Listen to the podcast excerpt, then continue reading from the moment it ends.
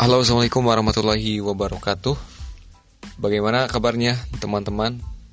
Oke, Di kesempatan kali ini gue mau sharing-sharing aja ya. Kali ini gue kedatangan bintang tamu spesial nih ya. Mau sharing-sharing eh, seputar kisah dia. Ya, Oke, ini bintang tamunya nih.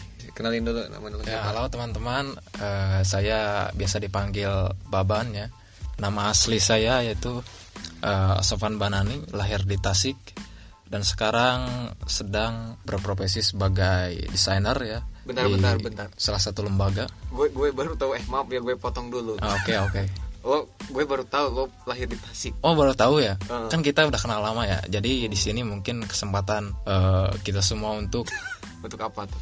jadi asa orang nu penting. Ya gak apa-apa lah, kan ini sharing-sharing aja Oh, gitu sering-sering ya. Iya. Mm. Ya jadi gue dulu itu sebenarnya lahir di Tasik, lalu setelah lulus SD Terus lahir di Bandung. bukan besar di Bandung, besar di Oh Bandung. iya. Masa Dan- lahir dua kali ya. masa masa eh masa namanya Masa terindah. punya masa kehidupan dua kali. Masa kehidupan dua kali gimana maksud tuh gue kurang mengerti bahasa Jadi masa itu. kanak-kanak di Tasik, nah berapa tahun? masa remaja sekitar 12 tahun. 12 tahun di Tasik. Iya. Tasiknya mana? Tasiknya di daerah eh, Pancasila.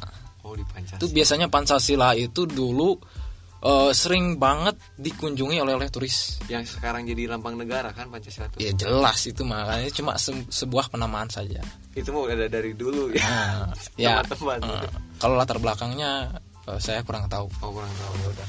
Tadinya sih gue mau nanya-nanya tuh. Kenapa itu daerah bisa jadi namanya Pancasila? Hmm, Berhubung lo gak tahu ya gak apa-apa ya sayang sekali ya. Ya mudah-mudahan tapi besok lagi bisa cari tahu kan? Bisa bisa sekarang kan zamannya teknologi gitu kan. Semua apa pun bisa dicari di Google bahkan yang kurang bermanfaat pun bisa dicari tutorialnya di YouTube. Ya, yang pastinya apalagi podcast ini kita mah insya Allah bermanfaat ya. Insya Allah bermanfaat Insya Allah Ya terus mau bahas apa lagi nih Oke oke tadi tuh kan udah udah tahu ya sejarah singkat lo ya. Ini Hmm. misalnya bintang tamu gue kan harus jelas gitu. Hmm. Jadi jangan sampai bintang tamunya abal-abal. Ya jelas lah Insya Allah eh, Saya dilahirkan untuk tidak abal-abal ya Oke. Bisa memberi sesuatu yang bisa menjadi inspirasi lah ya untuk Semoga gue ya Semoga Tapi tidak janji gitu kan Smart listener kan. Smart listener Wah Masya Oh, Allah ya Oke, smart listener mau tahu apa aja nih? Berhubung kalau di podcast juga ada sesi yang nanya gitu ya. Hmm. Ada penontonnya. Berhubung ini podcastnya kan offline. Oh offline ya iya iya Jadi kita itu harus memberikan informasi yang mudah untuk dicerna. Hmm. Sekarang kan zaman zamannya post truth gitu ya. Siapa yang banyak bacot itu biasanya yang dipercaya gitu. Maka dari itu kita banyak bacotnya yang benar-benar benar faktanya gitu. Jangan cuma menggiring opini gitu ya. Oh, ya, Jadi di sini post truthnya yang benar-benar memberikan fakta yang bagus atau gimana ya? Oh, zaman sekarang tuh yang pro, post apa disebutnya? Post truth. Nah, itu banyak yang banyak baca tuh dipercaya ya. Hmm. Seperti kata dulu Hitler gitu kan. Eh, eh, sebarkan terus kebohongan maka hal itu akan dipercaya kata dia. Oh, jadi apa itu bahasanya tuh? Eh, sebarkan terus ibarat sesuatu yang diulang-ulang ya, ber- berulang kali gitu ya. Kebohongan yang berulang-ulang apa kebohongan yang diulang-ulang itu bisa menjadi kebenaran. tepat tepat ya seperti itu dan sekarang pun Memang hal itu terjadi. terjadi ya, ya. Contohnya kalau sekarang? Contohnya saya tidak bisa menjelaskan. Ini satir, satir aja. oh satir. Ya yang sekarang lagi booming ya. Contohnya eh, Drama apa? tuh yang sedang enggak ya itu penggiringan isu ya. Islam radikal biasanya suka apa meneror orang-orang terpenting ya. Dan pasti yang dijadikan barang buktinya atau apa pun itu eh, penggiringan opininya pasti ke Islam Islam yang taat dia suka beribadah gitu kan dengan baik dengan eh, masyarakatnya dengan orang-orang terdekatnya tapi pas ada drama suatu pasti giringnya itu digiringnya itu ke Islam radikal ISIS gitu kan. Enggak, penggiringan opini itu kalau lebih spesifik lagi intinya itu apa gitu? Buat apa? Misalnya gini nih. eh, kan itu digiring buat buat ngasih stempel apa gitu ke Islam itu? Ya supaya Islam itu terkesan eh, jahat ya. Terkesan suka bunuh-bunuh orang gampang mengkampirkan orang tapi pada hakikatnya Islam yang benar itu eh, disembunyikan oleh mereka. Pokoknya Islam itu harus digambarkan sesosok monster yang harus dihindari gitu. Oh ya. Padahal sejatinya ya aslinya itu kalau Islam itu emang rahmatan dari alam iya nah hal itu kan di disembunyikan gitu Jadi gimana ya ya tidak dibumingkan lah yang dibumingkan malah Islam itu radikal ekstremis teroris dan sebagainya oh jadi nanti kesannya tuh orang-orang jangan belajar eh, belajar Islam Nah, iya.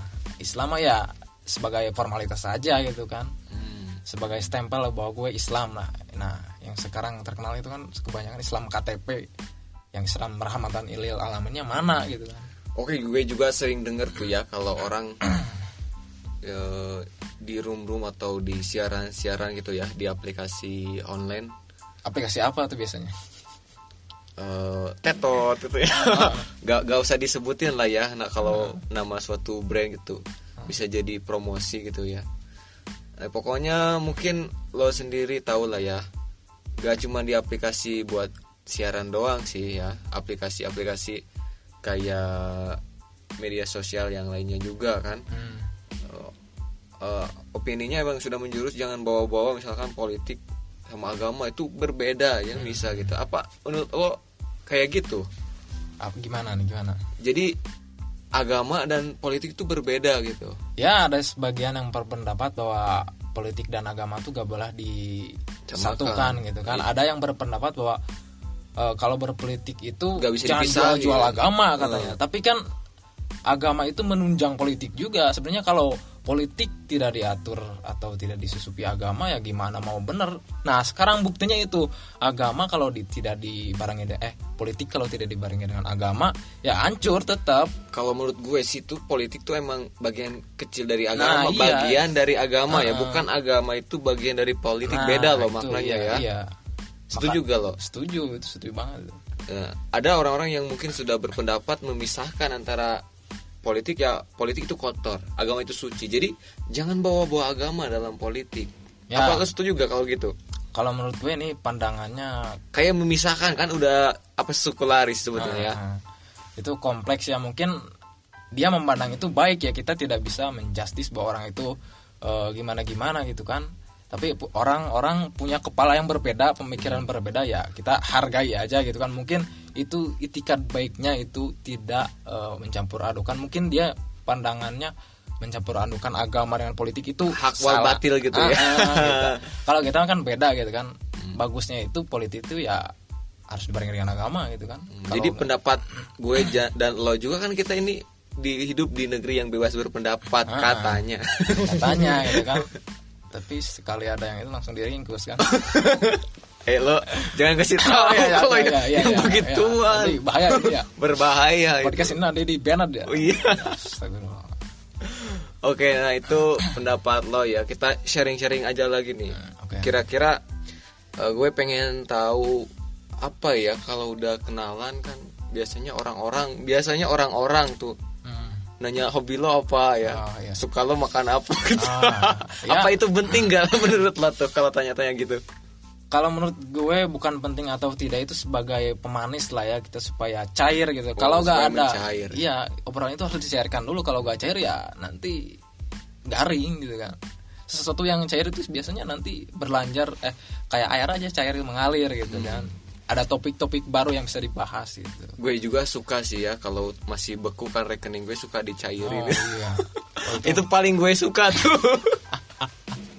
bukan cuma lu itu semua orang Tapi gue gak suka deh kalau beli es krim terus mencair. Nah, itu kan harusnya es itu kan es. Kalau cair ya beda lagi ya jadi Beda es. lagi ya. esensinya udah gak ada. Itu jadi sirup, Ah, sirup. bukan es krim Ah, lagi. bukan. Jadi sirup krim eh es sirup berarti. Ya kan tadinya namanya es krim. Jadi sirup Jadi krim. sirup ya, nggak ada krimnya tuh kalau udah mencair.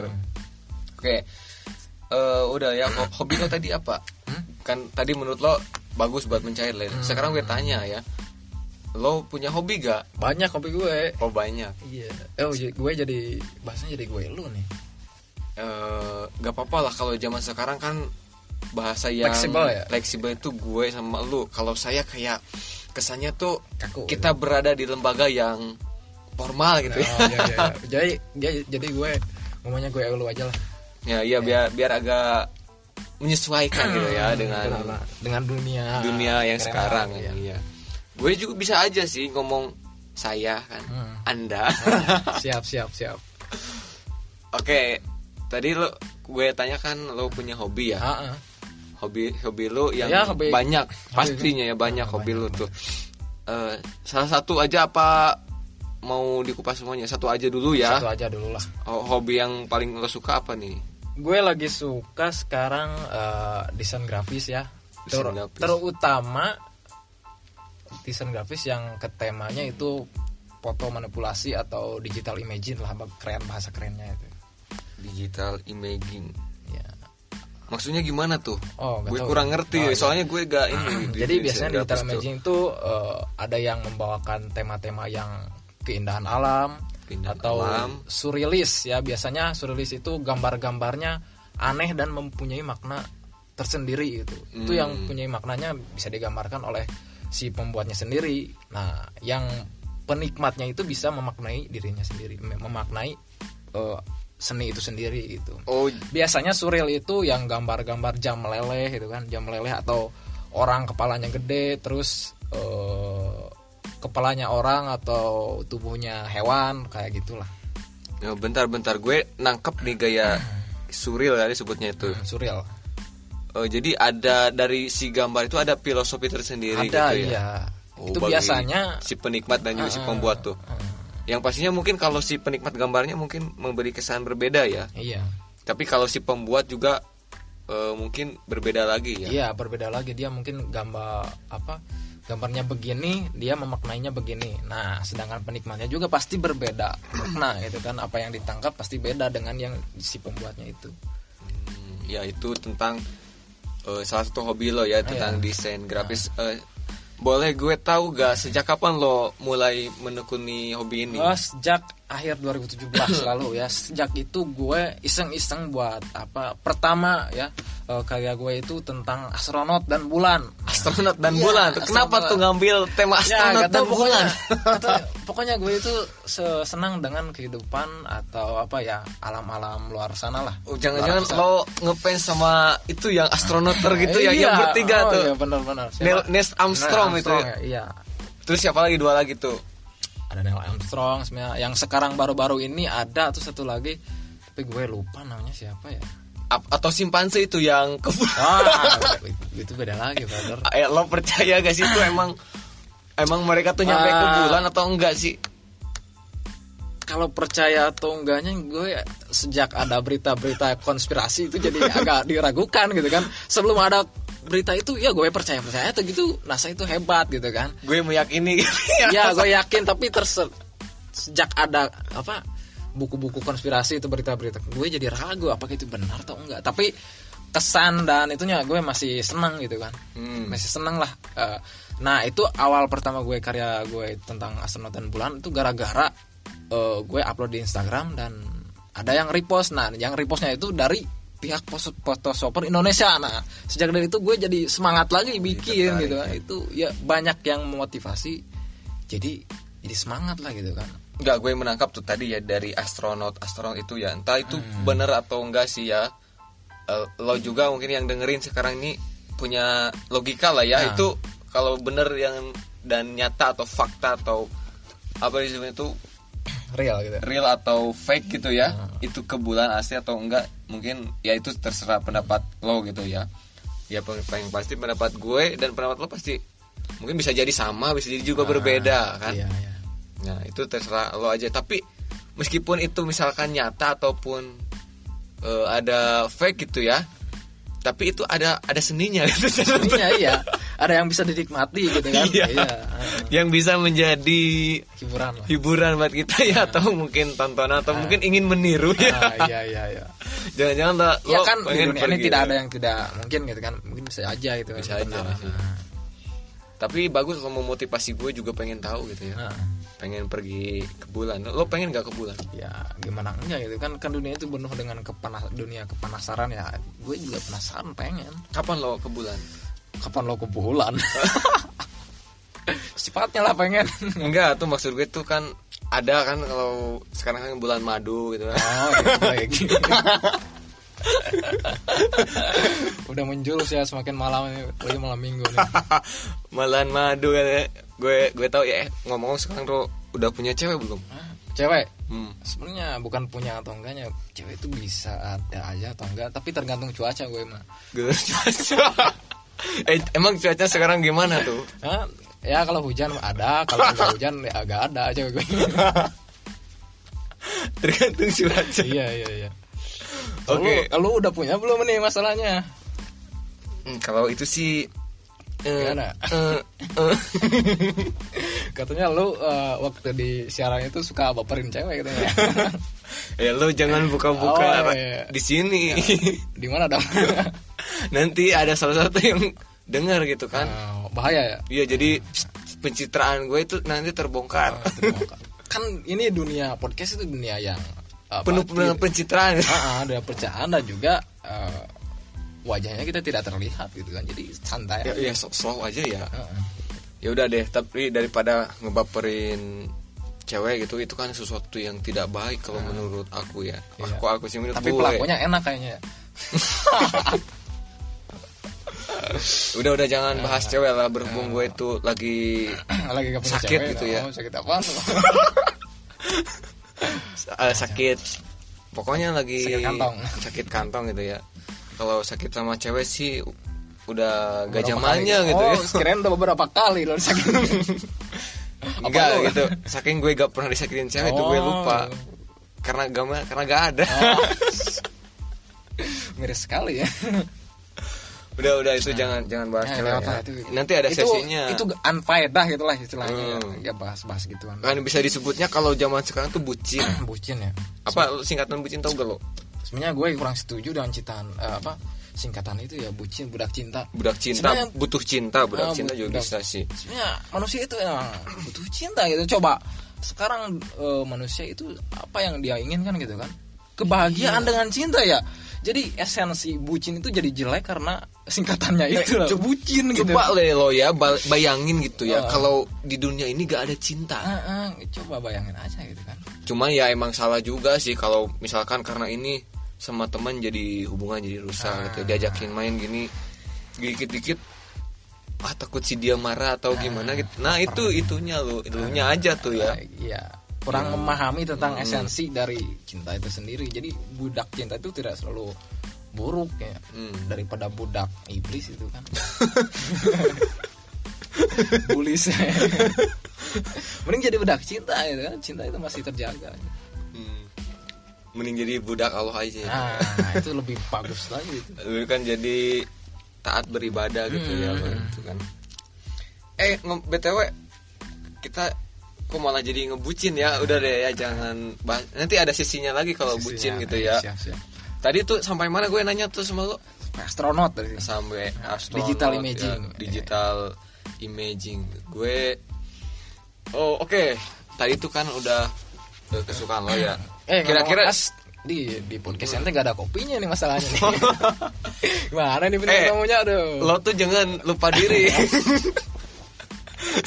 Sebelum Jangan, kita bikin tuh. oh iya iya iya iya itu kan tadi sekarang oh iya. sekarang lah Oh iya sekarang ya. Bentar kan ini belum Ah, selesai ah, lanjut lanjut lah lanjut lanjut Ya udah. BTW Hmm. eh, hobi lo udah menghasilin nggak belum sekarang tuh? Ah, ya menghasilkan kesenangan tersendiri lah kalau material mah belum kayaknya Oh, belum belum gede. Belum gede. Bukan Ya, belum ada, belum ya, seperti gede. itulah pokoknya belum gue juga belum berani untuk mempublish karya gue untuk menjadi duit gitu kan. Hmm. istilahnya duit lah ya. Jangan disembunyi-sembunyikan gitu. belum berani membuka harga gitu kan. Gue terlalu mahal. Karena nanti nanti gak kuat gitu ya nggak kuat bayarnya. yang bayarnya itu masalahnya itu tuh sombong gitu Eh, sekarang project yang lo kerjain apa sekarang? Oh sekarang gue lagi aktif di lembaga ya jadi bantu-bantu lembaga untuk bikin eh, program lah ya Hmm. misalnya program untuk kegiatan kajian lah ya Hmm. Nah, Da- itu eh, itu dari segi sosial gitu ya? sosial ya saya sosial terus untuk bantuan untuk uh, anak Dakwah yatim gitu gua ya. apa nah gue di situ bagian untuk editing video dan juga gambarnya gambar-gambar Oh, lu bisa editing video. bisa lah Berarti lo punya channel YouTube ya? Eh, untuk channel YouTube gue nggak bikin sebenarnya nanti lah insya Allah akan dibikin tentang tutorialnya lah tutorial video editing Iya, dari Adobe Premiere ya. Eh, kenapa lo belum bikin? masalahnya tadi gitu kan kesibukan yang di apa kesibukan di lembaga itu sangat sangat sibuk Oh, jadi di ya selalu gak sempat gitu ya Di relap lo tuh belum belum bisa gitu Ah, intinya belum bisa tuh. lah. intinya belum ada waktu lah gue. bukannya belum bisa bikin YouTube Ah, gitu ya. YouTuber-YouTuber lain juga banyak gitu ya. Seperti ini juga banyak silahkan aja banyak juga yang bagus gitu kan ya masing-masing orang kan punya kesibukan sendiri gitu ya. Ah, Kalau nanti itu mah gampang adalah ya. ah. Oke, tadi udah ada project penghargaan. Oke, itu salah satu hobi lo ya. iya iya Kira-kira hobi lo yang lain yang menurut lo ya ya menarik apa Hmm. tuh? keseharian gue gue biasanya tidak bisa eh, melewati ya apa ya bukan melewati Lepas. ya. bukan bukan eh, melewati suatu hari tanpa membaca buku lah gitu kan Uh. istilahnya gitu Lo jadi Pokok- lo jadi kutu buku gitu ya? Sa? bukan Oh, eh, gue bukan. kurang kurang suka juga dengan istilah kutu buku itu karena memanusiakan hewan itu ya orang bilang tuh gimana ya? Padahal itu kegiatan yang menurut gue tuh Ah, bagus banget iya, kan bagus, suka baca buku iya. tapi kok julukannya kutu, kutu buku, buku itu ya. Nah lo yang dengerin tuh kalau ada orang yang suka baca itu bagus bukan Ah, kutu ah, buku ya. bagus ya.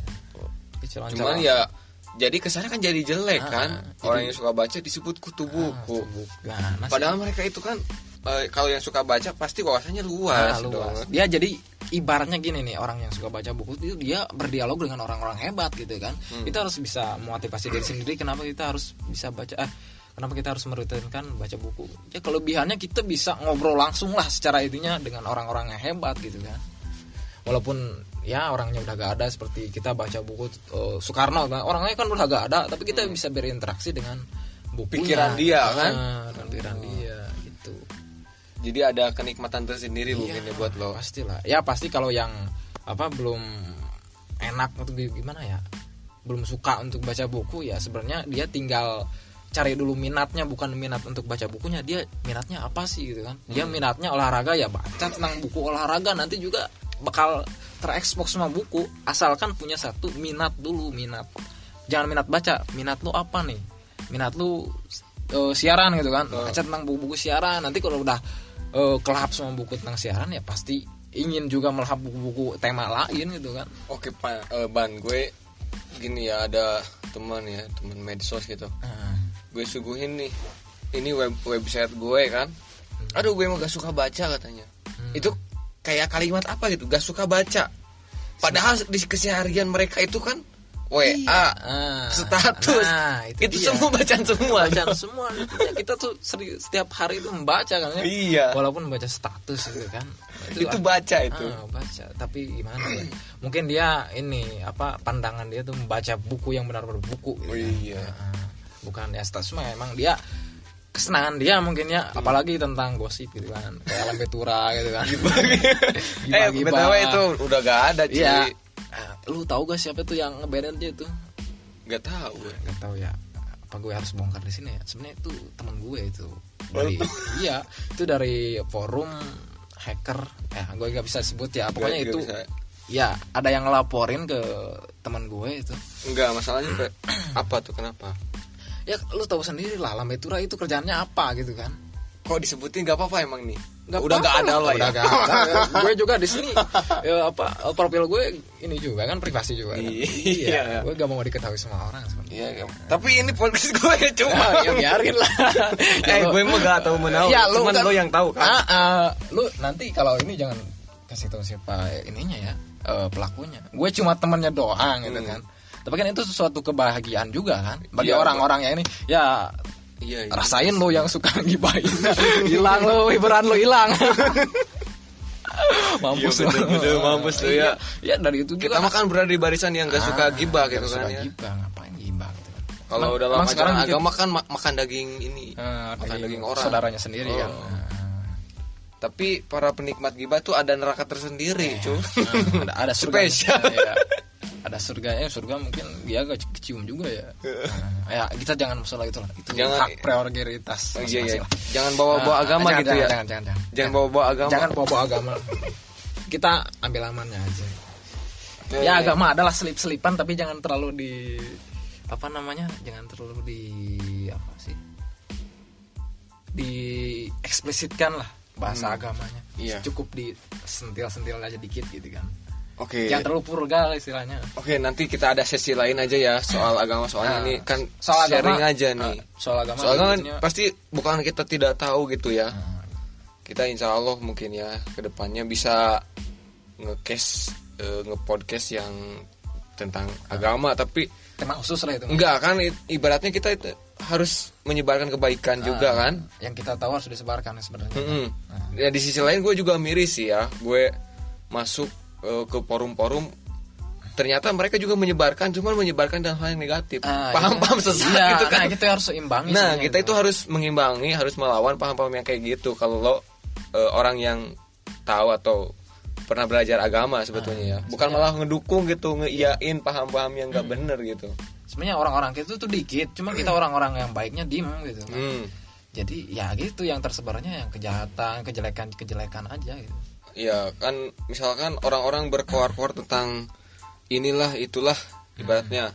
Nah itu kan ibaratnya kalau orang agama sekali bicara langsung ini, padahal sama-sama menyebarkan kan. Ah. Cuman itu bedanya paham yang tidak dilapisi dengan agama, cuman menyesatkan juga Oh, kan. iya nah soalnya kenapa yang agama itu banyak yang komplain karena itu memang kebenaran dan kebenaran itu pahit gitu kan kalau sekarang kan orang-orang yang gak jelas itu ya diterima aja gitu.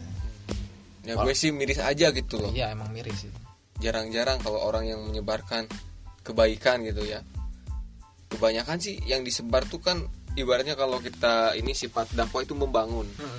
kalau agama membangun kebenaran nih kalau orang-orang yang, yang ngedakwahi di sisi lain orang-orang juga mendakwahin kesesatan iya maka dari itulah ya pokoknya orang yang kalau lu semua tahu tentang kebenaran ya sebarkan walaupun satu ayat gitu kan. Itu ada- iya ada. intinya itulah. Pokoknya jangan takut lah jangan gengsi juga gitu kan. Kita agak beragama Islam tapi kok gengsian? Jadi kalau gengsi terus-terusan kapan gitu bergeraknya gitu?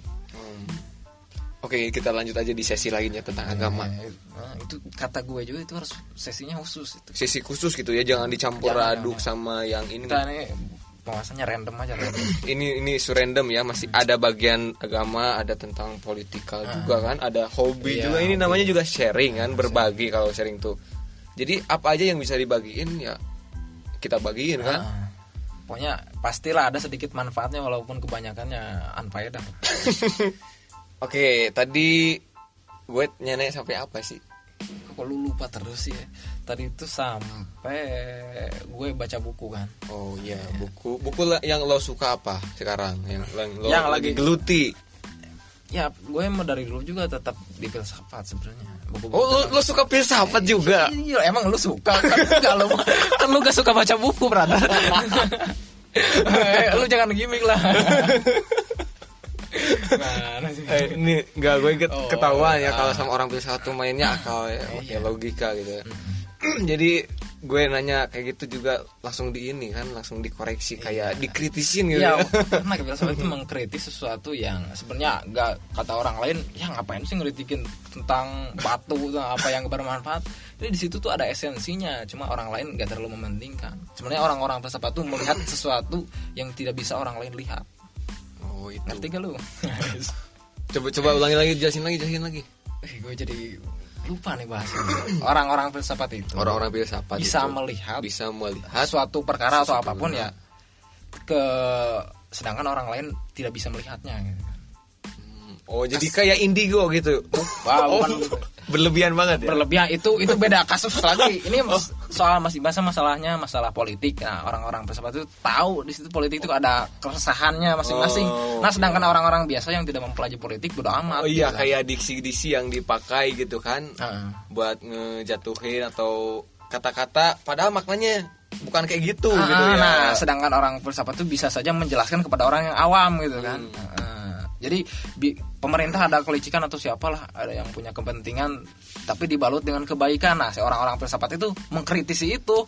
Ternyata di situ kebaikannya dibalut eh keburukan yang dilapisi dengan kebaikan. Nah dia langsung menjelaskan menjelaskan ke orang-orang yang tidak tahu bahwa ini tuh sebenarnya bukan kebaikan ini keburukan. Cuma dia melapisinya dengan kebaikan gitu. Nah Oh, oh, itu- setelah itu kan bangkit kesadaran masyarakat gitu. Nah, itu Oh, iya. itu dari apa dari filsafat juga tuh orang-orang kayak gitu Tapi gue memandang itu orang-orang filsafat yang baiknya.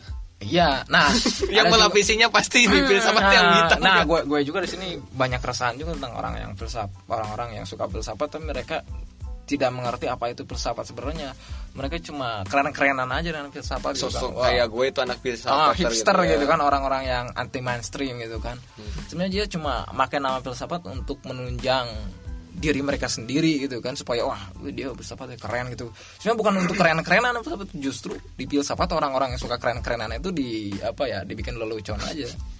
Oh sebetulnya lo lo yang sok pinter tuh bodoh Ah, kayak iya. kata mereka tuh ya. kayak gue dulu aja gue gue dulu juga gitu sebenarnya filsafat tuh buat keren-kerenan tapi setelah ya dipelajari lebih lanjut ya bukan itu tujuannya Ah, gitu lah. Padahal kalau menurut orang-orang yang udah paham mungkin yang bodoh tuh lu gitu. Nah, Mungkin iya. Sedangkan kan biasanya orang-orang yang belajar filsafat pertama tuh ngerasa dirinya paling pinter lah, paling apa lah, paling keren lah, apa. Nah, dia tuh sedang membodohi dirinya sendiri gitu. Dia mau memamer, istilahnya memamerkan Kebodohan. kedunguan. Eh, kedunguannya. Kedunguan. Di hadapan orang banyak. Hmm, gue jadi sedikit-dikit tahu lah ya Iya. ilmu filsafat dari lo.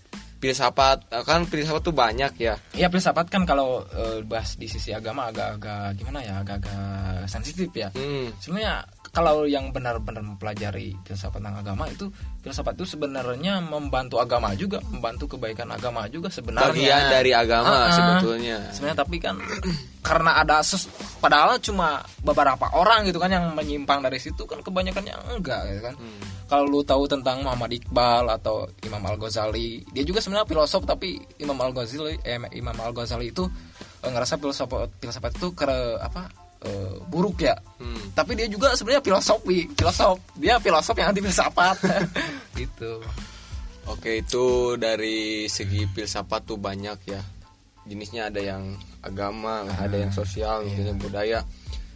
Eh, salah satu tokoh filsafat kesukaan lo siapa nih? Nah, kalau disebut kesukaan lu gimana ya? Panutan. ya enggak. Terlalu banyak kayak kalau dari kalau untuk menjadi satu itu gue filsafat itu siapa nih? Yang Sebenarnya paham yang lo lo ini aja lah ter- Gue- terinspirasi gitu. terinspirasi banget gitu ya. Heeh, yang membuat lo ibaratnya jadi suka kan jadi misalkan kalau sepak bola kan ada idolanya tuh Ah. mereka jadi nonton gitu. Gue sebenarnya kalau ngomong tentang masalah itu nggak bisa disebut "Eh, siapa ini? Nggak bisa jujur bisa, gue. bisa. saya di, di satu seorang itu ada keistimewaannya masing-masing gitu. gue suka ini sedangkan di sini gak apa ya ada kekurangannya juga gitu kan. Ada yang gue gak suka gitu. Jadi gak bisa sempurna banget tetap gue gak- kalau panutan ada. Siapa? Kalau ada. Nabi Muhammad SAW kalau menurut gue dia filosofer filosofer paling agung. Walaupun ada juga yang gak suka dengan apa eh, nama filosof untuk Nabi Muhammad tuh gak ada ya nggak ada kan Nah, Hmm.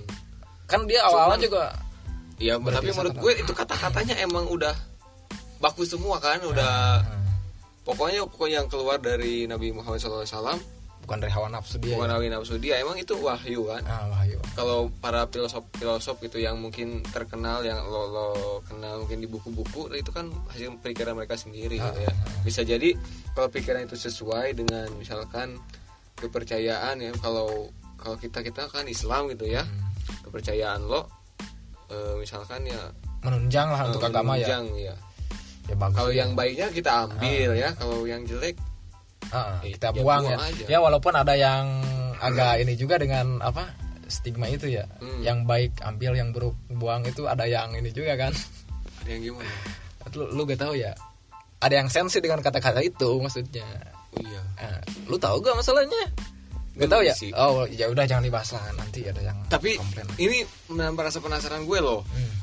Kenapa? Lo kan tadi mulai yang baiknya ambil, yang jelek buang. Kan itu kalimatnya bener gitu. Iya. Itu Nah. esensinya di mana tuh yang ya salahnya salahnya tuh? gue, gue juga masih belum tahu kenapa itu salah katanya kalau gitu itu seperti apa ya mencari pemahaman kayak prasmanan gitu segala apa dicoba gitu kan yang baik ambil yang buruk jangan itu kayak ngaji prasmanan kata mereka gitu kan gue gak tahu apa esensinya gitu kan Enggak, tuh gue berpendapat kalau ada orang yang kayak gitu ya. Hmm. Seolah-olah dia tuh udah bener. Iya, padahal kan orang lain gitu yang nganggap dia apa ya itulah sebenarnya yang salah. Kan namanya kan orang tuh disebutnya ijtihad. Ijtihad tuh apa sih disebutnya kalau di Indonesiain di jangan-jangan ada yang belum tahu ijtihad gitu kan. Hmm, kalau menurut gue ijtihad itu ya mereka berlomba-lomba dalam kebaikan untuk kebaikan masalah ma- apa masalah umat banyak gitu kan. Bukan ijtihad tuh kayak gue berpendapat gini loh, tapi ini agak mendekati kebenaran gitu loh. Iya, itu kan untuk maslahat banyak kan Hmm. kebaikannya. Iya, maka dari itu iya itu, tapi ada yang sensi juga tentang itu gitu kan. Dia hanya memilih guru-guru yang Menurut mereka, baik gitu.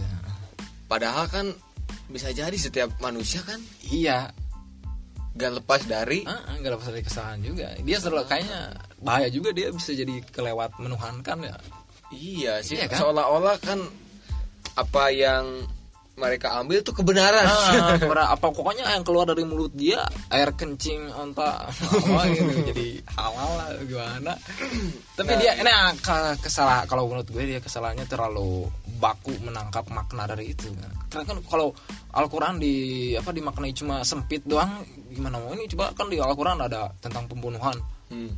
Sangat itu kan harus dimaknai dengan benar ya kalau orang kafir wa- wajib dibunuh atau apa kan nggak gitu juga kan Nggak ya gitu, nggak. ada penafsiran lain kan orang kafir yang gimana dulu Butuh nih. filosofis tersendiri. ah, itu belum filosofi sendiri kalau sebenarnya kalau nggak ada tentang filsafat itu kan mungkin Facebook bakal gak ada teknologi yang canggih itu gak- bakal gak ada soalnya dasar-dasarnya itu dari filsafat Oke, oke. ambil yang baik dan buang yang buruk sebenarnya Oke lah, jadi emang tuh harus gitu ya. Misalkan kalau lo nyimak podcast ini kan ya gue gak ngeklaim ini podcast yang Ba- bagus baik bermutu itu gak bagus gitu ya. Ya kalau baik menurut lo ambil yang baiknya yuk, yang jelek ya gak usah di ini gitu ya, ya. berlaku juga dengan eh, podcast podcast orang Podcast lain. podcast orang lain juga gitu ya. ya, kalau lo gak setuju ya gak usah ditanggapi dengan benar juga. Mm-mm, cukup. Bantah gitu kan. Bantah lagi dengan lu bikin podcast lagi bantah aja. Bantah dengan dengan ilmu bantahnya ya, Ah, bukan jangan- dengan tokcit. apa apa toksik toksik ya jangan Iya kan, ini Ah. contohnya gue salah kan tuh. Lo bantah jadi benerin lo Iya, tuh, bukannya gitu. malah di ini lagi Oh. gitu. dengan kesombongan dia sendiri gitu, Iya. kemarahan gitu. iya Gue bilang tok apa tokcit. toksik apaan toksik itu kan Nah, lo kan benerin gitu. Ah, ah. nah itu harusnya gitu tuh, gitu ya. bukannya malah di. Apa apa ya hewan-hewan yang oh, keluar kebun binatang keluar, ya. keluar kebun Iya. binatang bukannya ya. ya kurang-kurangnya toksiknya apa manfaatnya sih lu cuma ngeluarin tong sampah aja gitu kan berarti kalau lu toksik ya lu, lu toksik nih ya itu sama dengan apa yang ada di dalam pikiran lu lu tai semua dalam Harusnya lu bantah dengan ilmu lagi dengan Ah, karya yang gitu kan. elegan lah gitu bantahnya ya. Soalnya kita ngebahasnya juga dengan il- ilmu yang kita pahami juga kan Iya, lo bikin tandingannya gitu ya yang lebih ini. Karena dulu kan zaman dulu biasanya orang-orang hebat itu ngebahasnya dengan karya lagi seperti Nietzsche gitu kan Nietzsche dia bahas eh, eh, nulis buku lalu ada yang bantah lagi dengan buku juga dengan karya bukan dengan ngamuk-ngamuk ngamuk melotot Kalau sekarang sih drama-drama gitu ya, Ya, di sekarang. di apa di aplikasi yang platform iklan banyak drama gitu. nah, Eh, tapi bagus sih ya membalasnya dengan drama lagi di video. iya lah bagus, Bagus lah. itu sih. selevel mereka lah gitu Meskipun kan. drama kan. Nah, Ya lo jangan di, mau dibego-begoin lah. ya lu tahu sendiri lah udah tahu dia tuh drama ngapain lu tonton ngabis ngabisin waktu aja sampai ini eh tokcit tokcit ya kalau karena gue rasa tuh kan kalau udah terkenal itu ya mereka dia sebe- ya dia yang kaya lu yang tetap miskin aja iya sebetulnya mereka tuh gak peduli sama Nah, gak peduli sebenarnya. Lu coba tonton deh eh, apa What the fuck Indonesia episode terakhir tuh dia dibahas tuh di situ tuh. Ada orangnya bagus siapa namanya? Si Easy ya, Pian Gensi tuh. Dia orang-orang yang sadar sebenarnya. Orang orang sadar dia. justru mereka tuh pengen lo gitu Nah, lu gak peduli sebenarnya sebenarnya dia tuh panutan lu tuh gak peduli sama lu sebenarnya cuma ya gimmick doang. Yang pastinya tuh mereka kalau lu bertengkar gitu ya lo kasih komen mereka malah seneng. Jadi ajen-ajen mereka itu timbul. Ah, ijo-ijonya tuh makin kelihatan gitu. Makin kelihatan. Sebetulnya mereka malah ketawa gitu ya.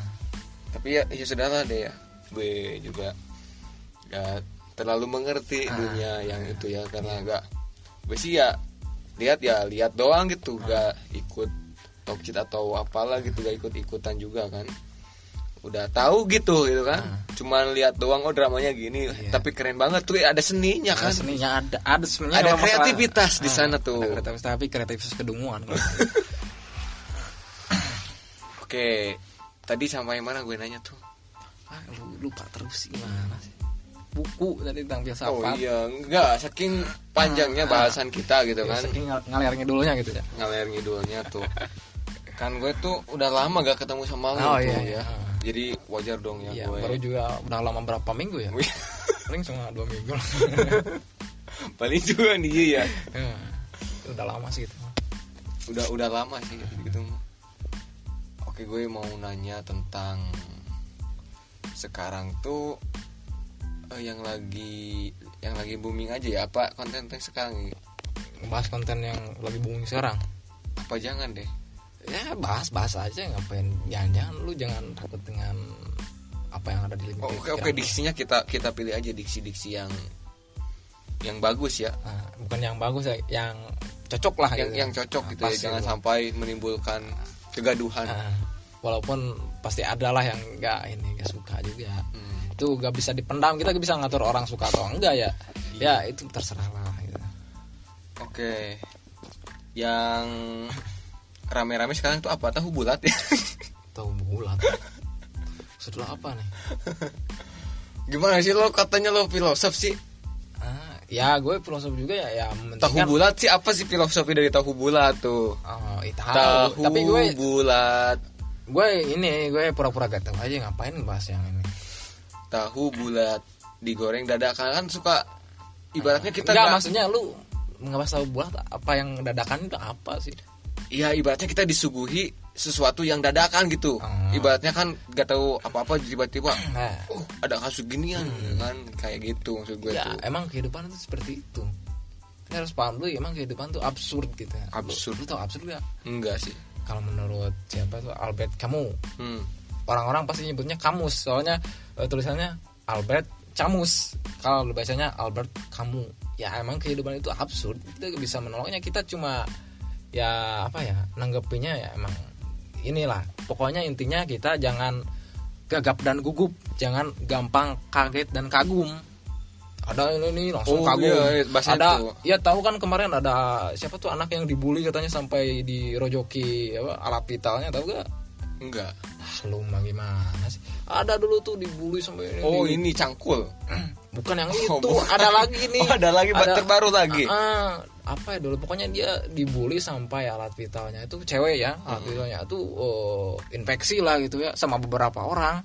Nah ternyata pas akhirnya itu ketahuan bahwa itu hoax gitu kan di drama doang gitu kan sampai-sampai artis-artis tuh ngejenguk karena kepeduliannya kepada dia padahal dia cuma acting doang sebenarnya alat vitalnya baik-baik aja nah orang-orang yang eh, ngebulinya itu sebenarnya yang jadi korbannya kita terlalu apa ya ngelihat berita ini gampang wah kagum Oh nih kalau bahasa sekarang tuh jangan gampang terprovokasi. ah, ya, jangan gampang menilai sesuatu itu langsung langsung ngamuk gitu. Langsung ngamuk terus keluar-keluar di media sosial Ah, tuh kan juga juga jangan langsung kagum gitu lah Heeh. istilahnya jangan gampang ini kan Enggak. lihat lihat apa sih? Dulu ada apa ya? Gue enggak nih. Ada orang yang langsung kayak tadi tuh yang langsung langsung panas gitu ya. Langsung keluar-keluar efeknya ke dia sendiri nanti Iya. ya tuh. Gue tuh kasihannya gitu ya. Eh gue gue gini lah. Kalau lu punya Facebook sosial media Instagram atau apa pun lu mending follow akun-akun yang benar-benar memberikan energi positif lah kalau lu punya teman nih kenalan bener udah deket juga tapi dia sering apa ya sering update sesuatu yang kayak ngeluh gitu ya? Ah, sesuatu yang negatif atau yang buat lu juga bikin gak mood ya mending di blok aja jangan di unfriend blok aja gitu lah. Oh iya udah putusin aja udah pertemanan itu ya gitulah pokoknya di timeline lu seindah mungkin harus berbau berbau apa positif lah. Sekarang kan di TV yang di isuinnya yang buruk-buruk terus di sosial media yang banyak yang hoax. Ya itulah eh, unfollow lah akun-akun yang seperti itu Oh, oke. biar biar lu juga happy gitu Pandai-pandailah ya. Nah, Kalau misalkan ini nih dun- ini urusannya kalau kejadiannya itu itu mau bener mau bohongan mau settingan gitu ya. Yang pastinya itu kan bukan dunia lo gitu ya. Kalau ikut campur lo yang susah nanti ya. Hmm. Ya pokoknya lu jangan ngehabisin energi lu kepada sesuatu yang nggak ada baiknya untuk masa depan lah. Walaupun masa depan juga masih absurd juga kan kita gak tahu masa depan kita. Tapi yang ya, penting kita punya usaha dulu. ah, usaha. Persiapan lah intinya mah. Jangan pokoknya jangan banyak ngebanyakin en- eh ngabisin energi lu ke sesuatu yang tidak bermanfaat. Itu intinya. Oke, kan tadi hobi lu banyak ya dari mulai tadi Eh, hobi lu, yang eh lu mau ngebahas nang apa pun yang gue hobiin gitu Eh, banyak- hobi gue mau apa nih film musik enggak, tadi buku lu, lu dengerin gue dulu dong. Jadi tadi kan lu tuh ada satu hobi yang udah menjadi mungkin rutinitas lo ya, kayak ngedesain gitu ya. pokoknya Terus buk, baca buku kan nggak lepas dari baca buku juga kan. Sebetulnya gue pengen juga sih kayak kayak lo gitu ya. Cuman ya kita tuh jangan meniru orang lain. Gitu. bukan jangan meniru ambil yang baik yang buruk gitu ya nah itu ternyata salah ya kalimat tuh. Jangan meniru orang lain jadilah diri sendiri. Ya salah itu. itu menurut gue kayak gimana gitu ya? Justru ambil gitu ya teladan yang baik. Ya yang jeleknya jangan diambil gitu ya. Kalau meniru semua plek eh, jangan. Ya itu plagiator gitu ya. Ya kalau sekarang tuh semua karya emang udah ada kayaknya tuh ya. Jadi bukan kayaknya emang sudah ada. Emang sudah ada. Cuma menurut ya, Aristoteles itu ya seni itu emang itu jiplakan dari jiplakan. Itu sesuatu yang sudah diciptakan nih. Orang-orang yang seniman dia yang jiplak dari apa? Coba yang belum nih. Dari alam. Hmm. iya seni seni itu tidak ada yang harus ini ya, jadi tergantung lo memodifikasinya dengan eh, kayak lo sendiri gitu kan ya jadi itu gak gak plagiat mungkin. Ya semua orang juga kalau dibilang plagiat mungkin bisa jadi Iya, ya. kalau plagiat tuh ya semua ditiru semua plek aja. Karya dia itu diambil terus diakuisisi nama dia kan? Iya seperti itu. Kalau misalkan lihat karya orang lain nih lo jadi inspirasi ada tambahan lain kan? Nah. Itu bisa jadi kan lo jadi bikin karya. Sebetulnya kan aduh gue emang bingung mau bikin kayak segini udah ada ah nggak perlu bingung kayak gue nih bingung ya skripsi kayak gimana Iya, itu sebenarnya kak bingung itu karena kita belum ngelakuin. gitu. Kalau udah dilakuin ya enjoy enjoy aja. gini katanya udah ada udah udah ada udah ada padahal gue belum ngerjain sama sekali Ah. kan itu Males kayak, itu. kayak gitu loh eh gue ada film terbaru nih yang pengen gue tonton Apaan? Joker. Hmm, film Haya haya. iya tuh yang filmnya iya si Joker kayaknya tuh yang Joker. Iya. pokoknya film genre-genre horor gitu lo suka kan lo suka gak tuh yang horor-horor kayak gitu Kalau horor gue agak-agak suka ya. Kalau thriller dan gore, tau gore gak lu? enggak Gore itu kayak eh, gembunuh tapi bener-bener dieksplisitin jelas gitu dia gak ada sensor-sensornya kayak bacok-bacokan gitu. oh iya itu beda lagi kalau horor kesannya tuh Kalau kayak horor mah kayak film kuntilanak kalau gitu lah. Heeh. Tapi Kayak- kalau yang sadis ibaratnya, Eh, itu oh, film itu gore. sadis kan, gore. Gore itu. Itu Oh jadi beda ya horor sama gore tuh. Ada horor yang gore juga ada. Horor plus gore kan Ada. ada. Nah, itu digabung berarti ya. Kalau yang horor-horor tuh kesannya kalau yang horor ya dunia mistis kalau menurut gue mungkin ya. Yang nggak tahu, nggak tahu gue bener atau salah tuh. Iya. Kalau horor-horor kesannya mistis itu ya. Ada arwahan, Supernatural. Heeh, ya dari alam lain gitu. Ibaratnya kayak bayangan tapi bisa ngebunuh gitu kan. Nah, Rata-rata tuh itu horor ya. Padahal mah yang ngebunuh itu dia dia sendiri, Hmm. bikin bayangan sendiri. Tapi kalau kesannya gore itu emang orang yang kayak psikopat mungkin Iya, ya. psikopat. Nah. Oh, psikopat tuh gimana tuh? Ah, Gue pernah nonton itu sebenarnya ini filmnya susah dicari ya, susah dicari di internet pun banyak yang di banned ya. Apa Per- Judulnya itu Ichi the Killer, itu film Jepang ya. Dia itu kisahnya itu dia eh, waktu di sekolahnya di SMP lah ya, sering dibully, sering diapa nah. Dia terus nyen- menyendiri terus aja dia juga hidupnya dengan ayahnya mungkin ya. dia murung terus tapi ketika udah murung itu kan dia juga jenuh gitu kan Hmm. dia jadi psikopat sering bunuh-bunuh orang nah setelah dia awal pertama kali ngebunuh orang itu dia menemukan kenikmatan yang berbeda. Jadi kecanduan ngebunuh dia tuh.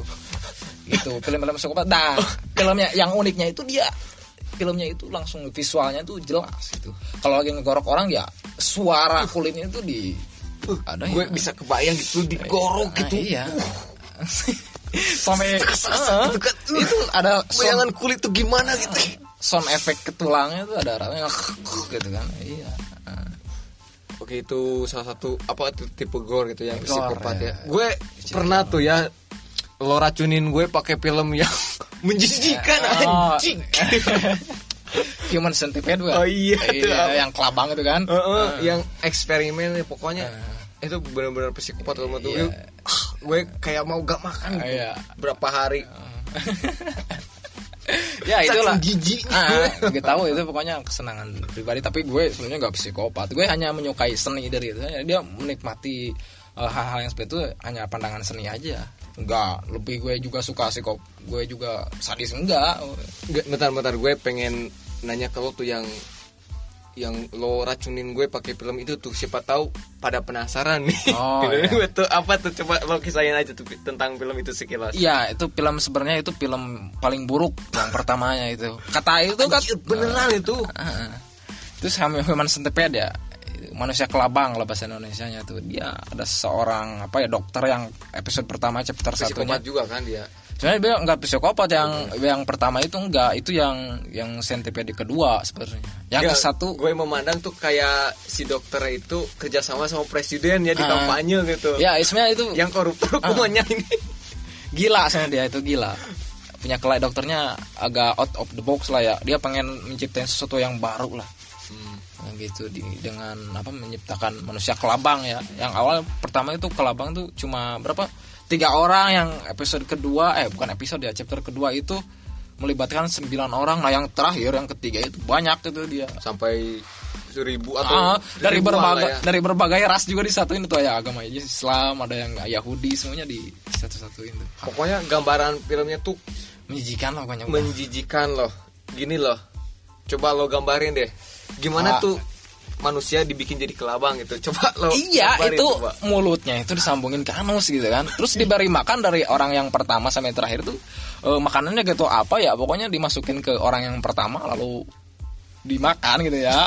Terus dijadikan apa eh, kotoran. Nah kotoran itu dimakan lagi orang yang kedua disambung terus aja jadi gitu. pokoknya si yang nempel gue tuh makan Eh, tetot. Makan tai dari orang yang pertama. Saling makan Eh, kan sadis itu, itu. sadis banget ya itu gue tangkap kan filmnya tuh jadi ada si kayak calon presiden kampanye gitu Ah. ya nanti yang kriminalnya berat hukumannya kayak gimana gitu ya Iya Bahkan ada yang alat vitalnya digoreng ya Hmm. pokoknya itu ah menjijikan dan sadis kalau menurut gue ya, sih ya. lu paling ya karena lu cuma nonton yang itu doang gue punya banyak koleksi tentang mas apa, Iya gue gitu. baru satu film kayak gitu juga udah Udah kamu lagi nonton ya ya udah kalau mau makan tuh kayak gimana nih? Uh, ya karena belum biasa. Iya. Kalau gue mah ju- justru melihat film itu dari sudut-sudut gimana dia pengambilan filmnya ya.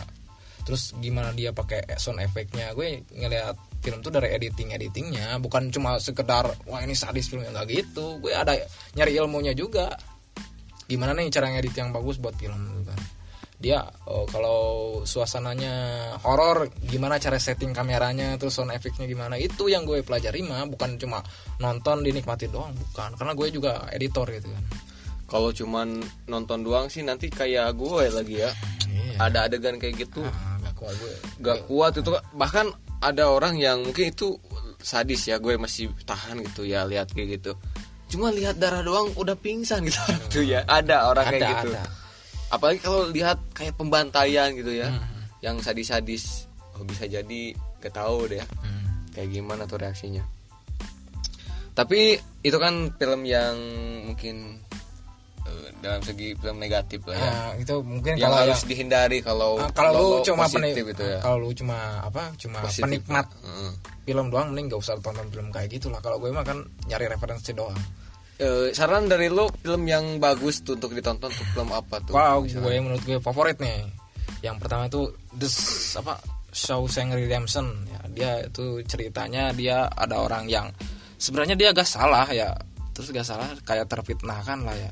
Dia di penjara nah di penjaranya itu dia membobol penjaranya hanya dengan ah nanti gue jadi spoiler nih. Pokoknya yang pertama tuh Shawshank Redemption yang kedua The Book of Ellie yang ketiga apa yang ketiga ya oh Sherlock Holmes 2019 gitu Oh iya, gue tuh pernah nonton sama lo tuh yang kode-kode gitu itu apa sih si Langdon gitu ya. oh itu ya itu juga favorit gue Seru tuh banget tuh itu. Ah. Nah, itu menurut gue nggak bisa dipecahin tuh otak tuh yang bikin film tuh itu imajinasinya keren ya iya ini banget pokoknya. itu De- Da Vinci Code ya yang karya itu diambil sebenarnya diangkat dari sebuah novel ya katanya itu katanya menggemparkan eh, orang-orang Kristen lah ya Kristiani ya So- Iman. nah, menggemparkan iman orang-orang Kristen Tapi menurut gue itu bukan sekedar novel loh, soalnya ngajak berpikir juga ya ibaratnya kayak nyata gitu dihubungkan sama.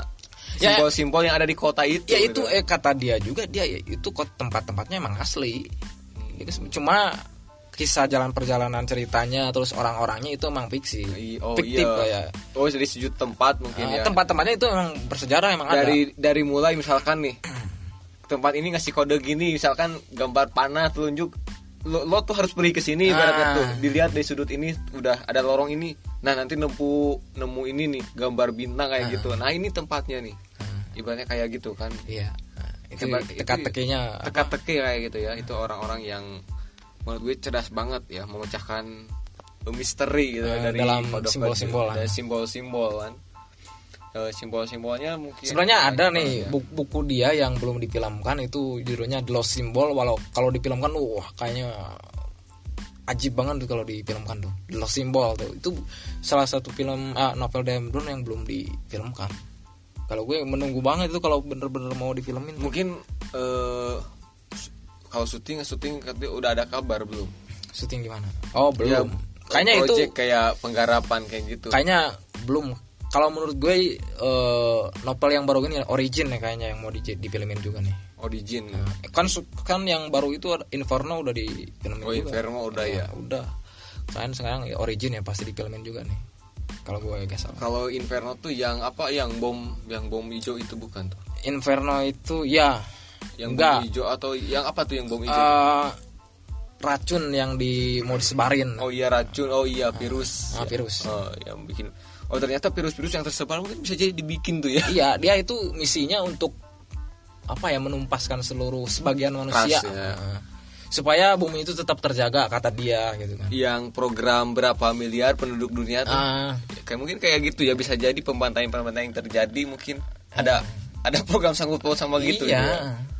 Pokoknya itu ingin menjaga ras manusia sebagian. di Ah. populasi manusia di muka bumi gitu ya oke ceritanya Sebenarnya itu Don Dan Brown itu mengisahkan gambaran tentang masa depan sebenarnya dia, masa depan dia yang dia bayangkan. Kayak era-era yang sekarang kan origin itu dia eh, pandangan dia terhadap masa depan kan nanti bakal semuanya pakai robot, Nah, nggak ada lagi karyawan manusia, semuanya robot. tapi zaman sekarang juga kayaknya udah Udah ada ya? udah iya, gitu ya. iya, bakal dari itu. peran manusia tuh jadi berkurang Ah. sekarang tuh ya Makanya pengangguran makin banyak. Ya. Kasihan pokoknya sekarang yang nggak tahu teknologi udah aja kelindes zaman udah aja. iya lo yang pengangguran sabar aja dulu ya. Eh yang pengangguran lu jangan ini pokoknya jangan berhenti belajar lu kalau mau. Jangan. jangan jangan malas-malasan lah intinya mah. Berkarya aja gitu gak kerja di apa di perusahaan atau di apa disebutnya tuh di tempat kerja di Pabrik relay gitu apa. ya. Kan sekarang tuh banyak aplikasi lo berkarya aja di ap- di, di Ah, aplikasi gitu ya, ya. Intinya jangan malas lah gitu. Hmm. Biasanya kan musuh terbesar kita malas gitu. Diri Malas, kita ya. sendiri ya. Ya bukan musuh terbesar itu bukan bukan pemerintah Oh, iya, bukan gak, gak diganti ya. lu stres ya bukan gitu. Bukan ya. Itu ada diri lo sendiri ya. Sebetulnya kita mau gimana mau gimana tergantung diri kita sendiri iya ya. Harga pokok naik. Udahlah jangan bahas kayak Nah, gitu jangan, ya. jangan. Males yang penting ya. lo kalau nggak mau usaha ya tetap aja gitu ya. Intinya lo ya perbaikilah nasib sendiri jangan lupa berdoa gitu banyakin sodako gitu kan. Itu damai gitu. Kita tuh bukan tergantung sama ini doang itu hanya sebagian lah ya mungkin faktor yang ininya dari hati dan juga mungkin lo kayak gak punya Tuhan aja gitu. Yang apa lo emang gak percaya Tuhan ya? Pertama itu kan sebenarnya kalau punya masalah jangan larinya jangan ke orang dulu jangan ke manusia dulu. Ke Allah dulu larinya kalau dulu. sholat dua rakaat. Munajat ya kan kita kalau gue, gue juga sebenarnya yang ngomong juga sering kalau punya masalah gak langsung ke Allah itu biasanya lupa tuh oleh, oleh setan punya. Langsung oh ke- jadi setan tuh dikambing hitamin? Iya. Eh lah nih nih ini ini pemahaman lu tentang orang yang tadi lu omongin ya itu filsafat yang ngaco itu bukan kambing hitam setan itu emang gitu nah orang-orang yang berpikir kayak gitu tuh sengaja biar setan itu dibela oh enggak. setan juga gitu Bu, nggak gitu sebenarnya Coba kita kita koreksi aja bongkar pikiran Nah. itu tuh ya. Kita dari sudut pandang yang menurut religi gitu. nah, Udah gitu ya gue denger orang yang bilang kan eh, jin itu ibarat apa bukan ini ya. Ah pokoknya udah salah kaprah deh. Dari mulai iblis itu setan itu katanya anak-anaknya. Padahal kan kalau gue menurut pemahaman gue ya, hmm, iblis itu emang rajanya gitu ya. Kalau setan itu emang gak ada ya sebetulnya itu setan, Sifat. setan itu sifat ya. Hmm. Mau itu ibaratnya jin ataupun mungkin manusia kalau misalkan manusia nyuruhnya jelek itu ya sifat setan ya. sifat setan Ya jin misalkan ngegoda manusia yang ini nah itu jadi sedang jadi setan gitu ya. sebenarnya jin juga bisa eh, Bisa baik kan. bisa baik bisa juga bisa juga ada masuk yang surga juga ya. Heeh. Cuman kan kalau iblis dia udah gak mau kalau iblis emang itu mah udah kayak ketuanya gitu ya.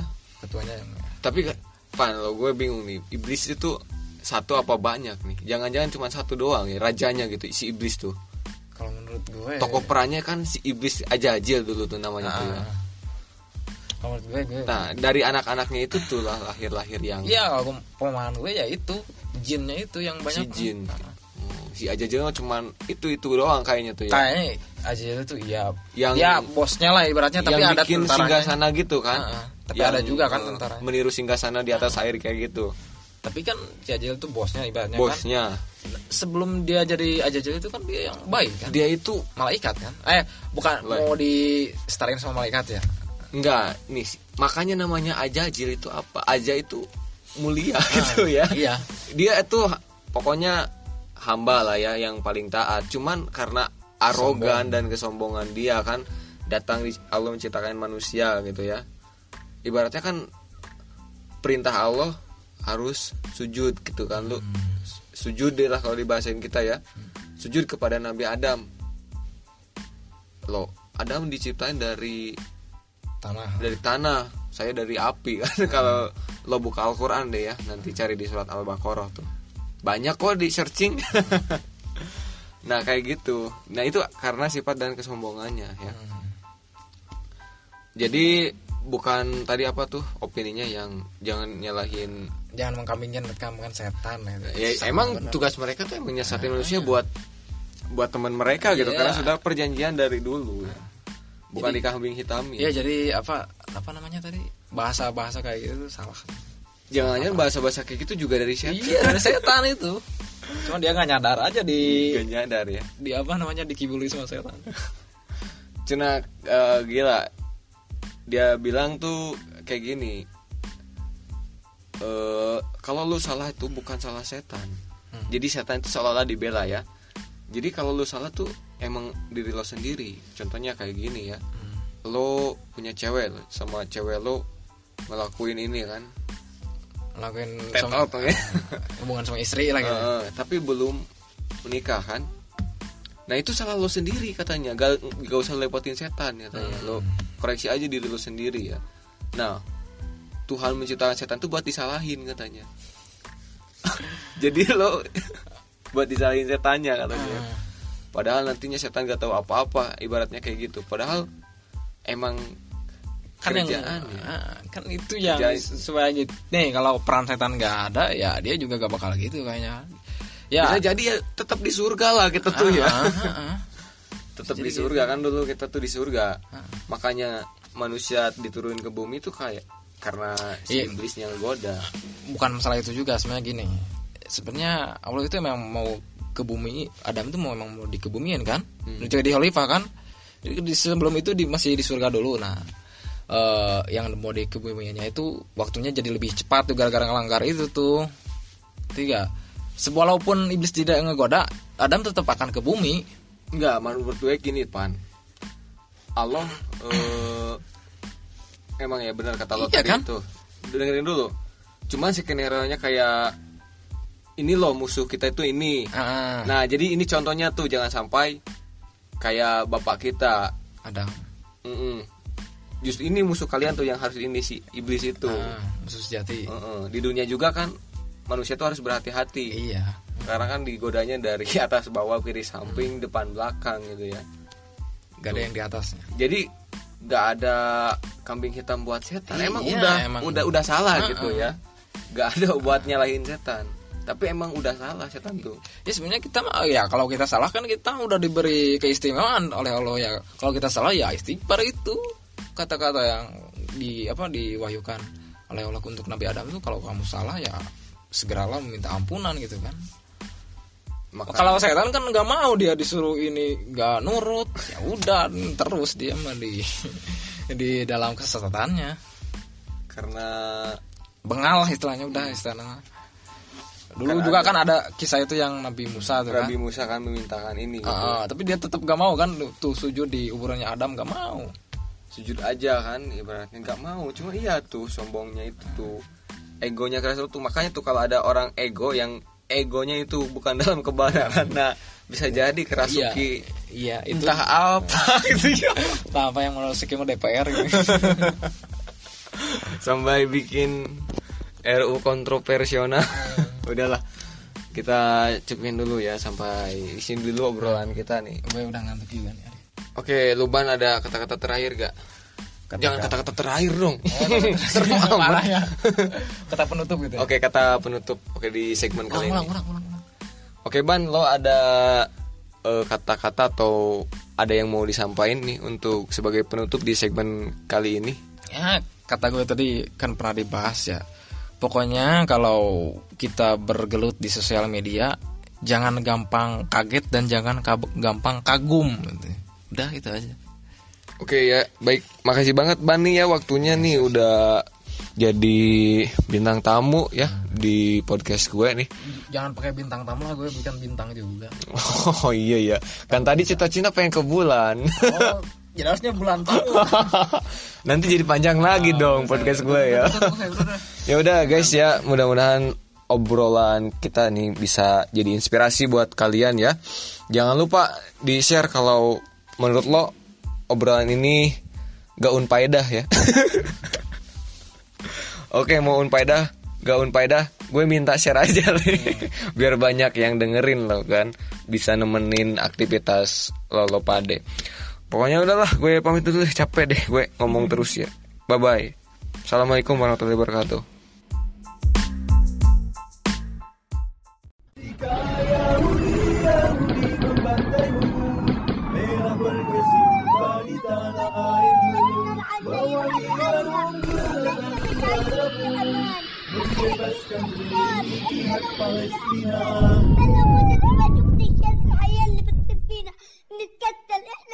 Berita Palestina.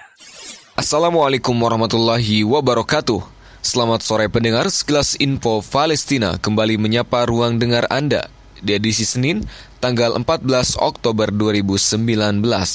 Apa kabar pendengar di kesempatan kali ini mudah-mudahan kabar Anda beserta keluarga yang Anda cintai selalu senantiasa berada dalam keadaan sehat walafiat.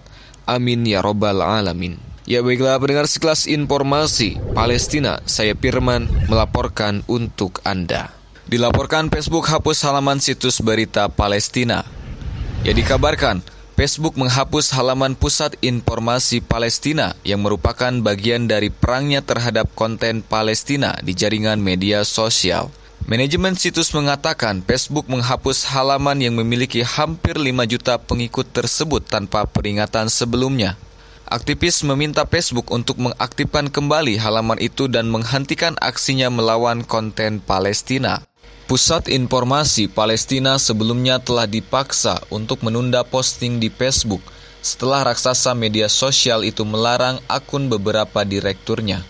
Anggota manajemen juga melihat akun mereka telah dihapus. Pusat Informasi Palestina didirikan pada Desember tahun 1997 dalam bahasa Arab sebagai situs berita pertama Palestina yang didedikasikan untuk mengadvokasi perjuangan Palestina dan konflik Arab dengan penjajah Zionis. Awal pekan ini, jurnalis dan aktivis di Palestina meluncurkan kampanye media sosial melawan sensor Facebook terhadap konten Palestina dengan menggunakan tagar FB Blocks Palestine.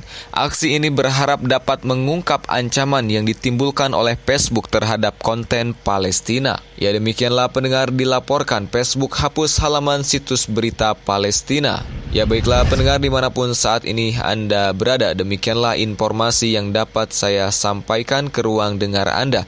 Simak terus dan nantikan sekilas info Palestina berikutnya. Saya Firman, mohon pamit undur diri dari ruang dengar Anda. Selamat beraktivitas dan sampai jumpa. Wassalamualaikum warahmatullahi wabarakatuh. Berita Palestina.